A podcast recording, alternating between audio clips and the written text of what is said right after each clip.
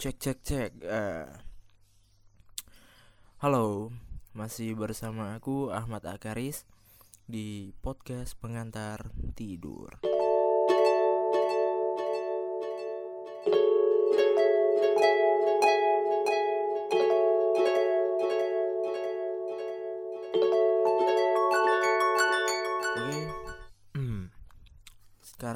tanggal 29 Januari 2020 Sekarang pukul 1 siang. Jadi di sini aku lagi di kamar. Jadi biasalah ayah ini kan peliharaannya banyak. Jadi terutama biasalah orang tua biasanya kalau di daerah Sidoarjo itu kesukaan orang tua itu hobinya kalau nggak mancing nongkrong ya mainan burung gitu loh. Jadi jangan kaget kalau podcastku ini agak berisik. Soalnya ya emang di rumah posisinya itu ya banyak burung. Ada kurang lebih mungkin berapa ya? Uh, eh, 8 kalau nggak iya 8 burung lah kalau nggak salah. Itu berbagai macam. Jadi kalau semisal podcast ini berisik ya sorry ya jadi gara-gara ya peliharaan ayah cuman jadi ambience yang menurutku sih enak juga kalau didengerin. Di sini juga aku punya peliharaan selain burung yaitu ikan cupang. Ya itu nickname aku juga di di Twitter namanya bakul cupang. Kalian busi, boleh kalian boleh uh, searching atau follow di Twitter. Mungkin jadi uh, kita balik lagi ke topik ya. Jadi gini aku mau cerita dikit. Uh, jadi aku biasanya kan nongkrong di warung gitu. Ya gabut sih. Biasanya ya kalau nggak main ML ya pengen wifi pengen cari wifi atau ya pengen sekedar nongkrong. Nah di warung tadi itu aku tuh ketemu sama orang yang dulunya tuh kita pernah ketemu dan ngobrol bareng. Ya meskipun ketemu itu tidak intens dan hanya sekedar kenal tahu. Tapi itu dulu banget. Nah tapi sayangnya uh, ini bikin malu banget sih. Uh, aku tuh lupa sama nama orangnya gitu loh. Nah itu apa ya? Kalau buatku sih lupa nama itu aduh bangsat sering banget gitu loh. Jadi momen awkward ini akhirnya ya terjaga sampai mau pulang nongkrong gitu loh. Awkward banget apa aku nggak tahu namanya siapa gitu loh lupa. Terus aku ini emang sering uh, lupa-lupa hal sepele kayak gini. Sebenarnya itu penting banget. Paling sering ya nama orang gitu. Uh, kira-kira kalian tuh pernah gak sih ngerasa kayak gini ingat mukanya tapi lupa namanya inget rasanya terus lupa orangnya. Uh, jadi kalau aku sih lupa nama itu ya mungkin ya karena hal-hal uh, pertama itu apa ya nggak terlalu intens sama orangnya. Maksudnya itu kenal ya sekedar ngobrol terus ya cuma kenal dalam satu apa scene itu atau dalam satu peristiwa itu terus nggak kita nggak ngelanjut ngobrol lagi atau nggak ngelanjut ketemu lagi itu biasanya aku sering lupa. Entah kenapa aku nggak tahu juga. Jadi nanti aku bahas. Nah kejadian kayak gini tuh buatku udah terjadi udah lama banget. Sejak kecil malah. Dan aku baru sadar itu pas sekitaran aku SD kalau nggak salah kalau nggak pas SMP gitu loh. Jadi kayak nyadar gitu loh aku kok lupaan deh nama orang ini siapa ya? Padahal tadi tuh ketemu perasaan. Terus tiba-tiba udah lupa aja tuh namanya siapa ya bang saat aduh gua inget-inget nggak tahu namanya siapa gitu. Aku nggak tahu kayak gitu gimana.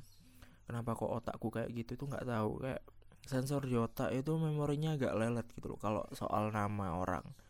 Jadi ya bikin malu sendiri gitu. Pernah dulu waktu waktu aku ketemu temen ini ceritanya di jalan. Dan disapa sama orang dan di situ aku ngobrol. Lama banget. Namun dengan kondisi otakku itu sebenarnya bekerja dengan sangat-sangat keras buat nginget namanya itu siapa. Kan tai gitu loh. Untungnya sih orangnya langsung pergi ya. Tapi ya gimana ya awkward gitu loh di posisi kamu itu ngobrol lama bisa apa ya istilahnya ya akrab. Tapi kamu nggak tahu itu namanya siapa. Dan aku sungkan buat nanya namanya siapa. Terus ada juga momen yang ini yang paling sering terjadi juga yaitu ketemu sama orang di suatu tempat. Terus orang itu yang ya kita kenal sebenarnya kita pernah tahu. Dan dia nggak negur duluan. Tapi kita tahu kita lihat orangnya dan kita posisinya lupa sama nama orang tersebut. Oh shit. Di kondisi kayak gitu aku selalu merasa sungkan atau malu. Malu buat nyapa. Padahal ya dulunya tuh kenal tapi gara-gara lupa namanya itu jadinya ya ya malu gitu loh. Malah biasanya aku malah pura-pura nggak -pura lihat. Padahal ya udah tahu itu di depan mata kita dan sebenarnya kita lihat jadinya awkward gitu loh. Uh, tapi menurut kalian hal seperti ini itu normal gak sih? Atau ini itu penyakit ya? Aku nggak tahu. Sebenarnya sih aku takut aja dibilang sombong. Padahal ya ya daya ingat tentang nama ini tuh di otakku sangat rendah sekali gitu loh. Bukannya aku sombong enggak cuman ya kadang nggak inget gitu loh namamu siapa gitu loh apalagi kalau sekarang ada maba-maba di kampus itu kadang anjing aku lupa namanya siapa ya. Padahal kemarin ketemu tapi siapa ya namanya? Lupa gitu. Ya aku mohon maaf kalau emang ada temanku yang uh, kayaknya ngira aku sombong atau apa ya kadang aku lupa namanya siapa. Nah maka dari itu aku coba searching di beberapa website atau di beberapa jurnal buat mengetahui sebenarnya sebenarnya ini penyakit atau bukan sih nah dari riset yang aku lakukan itu menghasilkan beberapa penemuan seperti ini Menurut halosehat.com, halosehat.com, fenomena lupa nama orang itu erat banget kaitannya dengan otak. Di otak itu terdapat bagian khusus yang emang bertugas untuk mengenali wajah. Nah, bagian otak ini disebut dengan fusiform face area. Letaknya itu berada di lobus temporal di bagian belakang telinga. Sementara itu, otak tidak memiliki bagian yang secara khusus untuk mengingat nama. Nah lo, gak ada bagian secara khusus untuk mengingat nama. Otak hanya memiliki bagian yang diperuntukkan mengingat kata-kata. Jadi gak ada bagian khusus yang emang mengingat nama. Tapi hanya mengingat kata-kata. Jadi belum tentu uh, apa nama ini itu gampang diingat sebenarnya dari beberapa orang gitu. Nah, nama ini adalah contoh kata khusus, bukan kata-kata yang biasa digunakan untuk menyusun sebuah kalimat. Emang benar, nama ini bukan kata khusus emang. Jadi kita nggak selalu mengatakan sebuah nama ini di beberapa conversation kita atau di perkat apa di obrolan kita. Nah, Adanya bagian otak khusus inilah yang memungkinkan seseorang lebih mengingat wajah, tapi sering lupa dengan nama orang gitu loh. Nah, sebab kita mengingat nama dengan wajah secara bersamaan, otak memiliki tugas yang berbeda. Untuk mengingat wajah, otak akan mendapatkan lebih banyak tugas seperti melihat, mengenali, mengamati, dan menyimpan sebagai sebuah memori. Sedangkan untuk mengingat sebuah nama, otak hanya diperintahkan untuk mendengar dan menyimpannya. Jadi kerjanya double-double gitu loh kalau kita emang uh, mengingat nama dan mengingat sebuah wajah. Ya, terus ada lagi aku coba cari lagi penelitian yang membahas tentang fenomena memori otak karena menurutku nyambung juga sama fenomena tentang lupa dengan nama dari hasil jurnal seorang dosen Fakultas Psikologi Universitas Gajah Mada, Magda Binetti Edsem. Ini namanya ya, Mag Magda Binetti Edsem.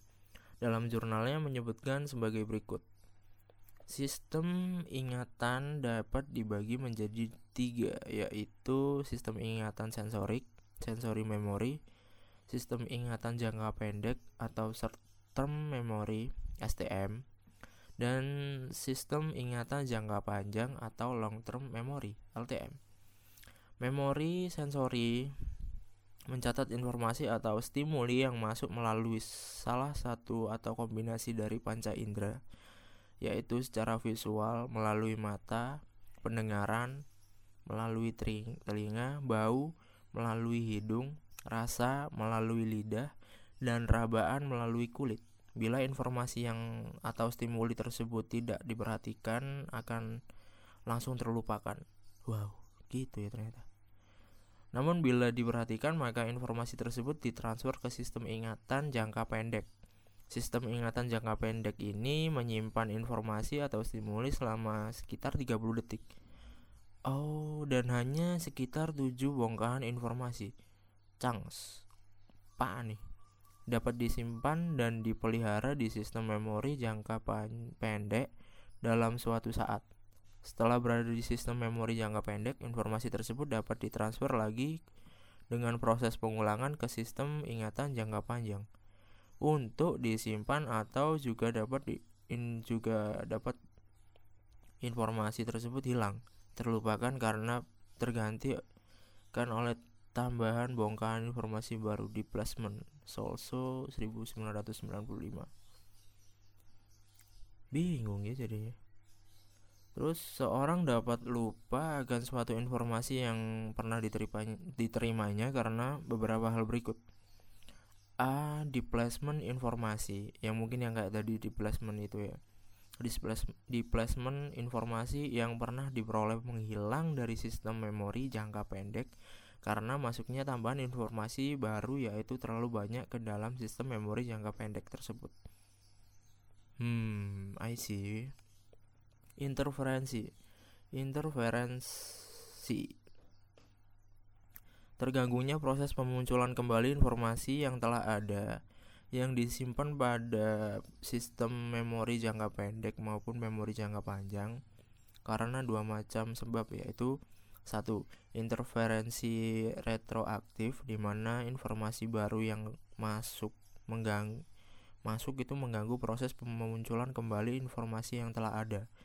Dan dua, interferensi proaktif di mana informasi lama yang telah ada mengganggu proses pemunculan kembali informasi yang baru masuk itu menurut Fieldman 1999. Nah, keadaan lain yang mungkin terjadi adalah bahwa sensor ses, ses eh kok sensor seseorang dapat memunculkan kembali beberapa informasi yang pernah diterimanya di bawah kondisi kondisi khusus tertentu. Misalnya dengan cara hipnotis maupun stimulasi listrik secara langsung pada daerah daerah tertentu di otak. Itu menurut Goodell dan Goldberg tahun 1978 buset dah. Seorang seseorang kadang-kadang tidak ingat suatu informasi yang pernah diperoleh secara keseluruhan, tetapi hanya ingat sebagian saja dari informasi tersebut. Kondisi ini dikenal dengan istilah distorsi. Dalam hal ini, proses pemunculan kembali tidak sempurna dan memerlukan sesuatu untuk petunjuk Q untuk memperoleh kembali informasi tersebut secara lengkap. Nah, kayaknya sih ini yang pernah apa ya sering aku lakuin kalau mau nginget nama seseorang. Nah, biasanya petunjuk petunjuk petunjuk ini itu tak buat apa ya kayak mau mau ingat sesuatu itu butuh sebuah petunjuk gitu loh. Semisal kayak oh nama orang ini uh, dia ini pernah katakanlah pernah ngobrol di sini terus oh alah ternyata dia ini. Oh sekolah di sini. Oh alah dia ini. Oh iya iya. Jadi kayak apa ya aku tuh butuh petunjuk-petunjuk buat ngerangsang otak biar inget dengan nama orangnya nah itu biasanya aku butuh petunjuk-petunjuk kayak gitu. Jadi ibaratkan otak ini tuh kayak sebuah berangkas. Nah berangkas ini tuh dijaga dengan orang dengan seseorang. Nah itu kayak kita mau ingat apa ya nyari tahu nama orang tersebut atau nyau mau nyari tahu informasi itu kayak kita itu butuh kunci gitu loh. Nah kuncinya ini itu yaitu tadi QQ tadi itu itu kunci. Dan akhirnya kita berikan ke resepsionisnya tadi yang jaga berangkas terus akhirnya yang jaga berangkas ini tadi itu nyari informasi yang kita butuh. Nah ibarat kata itu kayak gitu. Nah terus kita lanjut. Dan ternyata penyakit lupa nama ini tuh juga terjadi karena banyak faktor yang dapat dibuktikan secara ilmiah dan itu sepertinya wajar aja sih. Namun ternyata susah mengingat nama ini juga menjadi suatu hal yang mengganggu jika kita menjadi seorang pemimpin atau pribadi yang dipandang oleh banyak orang ataupun jika kita memiliki pekerjaan yang menuntut untuk mengingat nama orang-orang yang banyak. Nah, kelihatannya sih sepele emang. Hanya mengingat nama orang. Kelihatannya sih sepele emang. Hanya mengingat nama orang. Namun ternyata dampaknya itu sangat besar sekali. Nah, ini aku lihat-lihat juga menurut bbc.com dalam salah satu beritanya yang membahas tentang nama ini mengatakan bahwa mengingat nama dan informasi lain itu bisa membantu orang untuk bekerja lebih efektif, membuat orang lebih percaya diri dan fokus. Kata Luke Swap, seorang pelatih di Brain Studio Belanda yang menangani berbagai masalah soal penyaringan informasi oleh otak. nah, ini juga ada perkataan dari kat apa Ketera namanya itu Ketera A. Vogler, profesor psikologi di Virginia, Amerika Serikat. Yaitu mengatakan gini, kalau kita lupa nama orang, itu akan membuat kita terkesan tidak memperdulikan orang tersebut, menganggapnya itu tidak penting. Nah, ini yang mungkin jadi sebuah resiko jika kita tidak mengingat nama seseorang. Karena apa? Ya, mengingat nama itu memang simpel tapi dampaknya itu besar itu seperti seperti ini tadi kita itu kayak menganggapnya dia itu nggak penting padahal itu penting banget nama dia siapa? Misal kalau kalian ini pemimpin kalau kalian seorang pemimpin terus kalian punya uh, bawahan atau kalian punya istilahnya apa ya? Yes pembantu kalian lah. Agar kalian apa bekerjanya sebagai pemimpin sebagai pemimpin kan juga apa ya nggak harus mengerjakan semua. Jika kalian emang punya pembantu atau pembawaan kalian ya kalian bisa memanfaatkan tenaga tersebut namun ini biasanya yang terjadi kebanyakan orang itu nggak ingat namanya siapa atau bawaannya ini siapa padahal jika kalian ingat nama orang tersebut, maka orang tersebut itu merasa dihargai. Paling tidak. Karena apa? Karena jika orang tersebut merasa dihargai, mereka pasti punya yang namanya itu kayak gimana ya? Bekerja itu mereka jadi happy, lebih fokus. Terus mereka pasti apa ya merasa dihargai lah intinya. Jadi e, merasa posisi dia itu penting juga di kantor ataupun di sebuah e, organisasi tersebut karena ya hal hal sepele tadi mengingat nama tapi kalau kita nggak sampai ingat nama ya ya ya mungkin ya kalian harus misal kalian punya permasalahan seperti aku ya mungkin kalian harus bisa ngobrol juga dengan bawahan kalian kalau ya kita minta maaf atau kalian minta maaf kalau emang uh, aku lupa namamu atau gimana ya tolong diberat apa diingatkan nggak apa-apa. Kalau kalaupun apa kalian mau menegur pak namanya saya uh, katakanlah Agus. Nama saya Agus pak. Jadi kalian nggak apa-apa ngomong kayak gitu sebenarnya. Untuk mengingatkan aja jadi apa ya ya namanya juga orang lupa gitu ya. Ya ini nggak bisa dipungkiri juga gitu. Uh, jadi kalau aku sih lanjut ya. Jadi kalau aku mau apa ya cara untuk mengingat nama itu sebenarnya gampang. Gampang-gampang susah sih. Pertama katakanlah nama orang tersebut. Aku nggak ngelihat dari namanya siapa. Jadi aku ngelihat dia itu seperti apa. Semisal dia dia ini itu tinggal di sini. Seperti kayak informasi-informasi tambahan itu tadi yang aku ingat. Jadi dia itu tinggal di sini terus dia itu bentuknya seperti ini wajahnya seperti ini kulitnya seperti ini.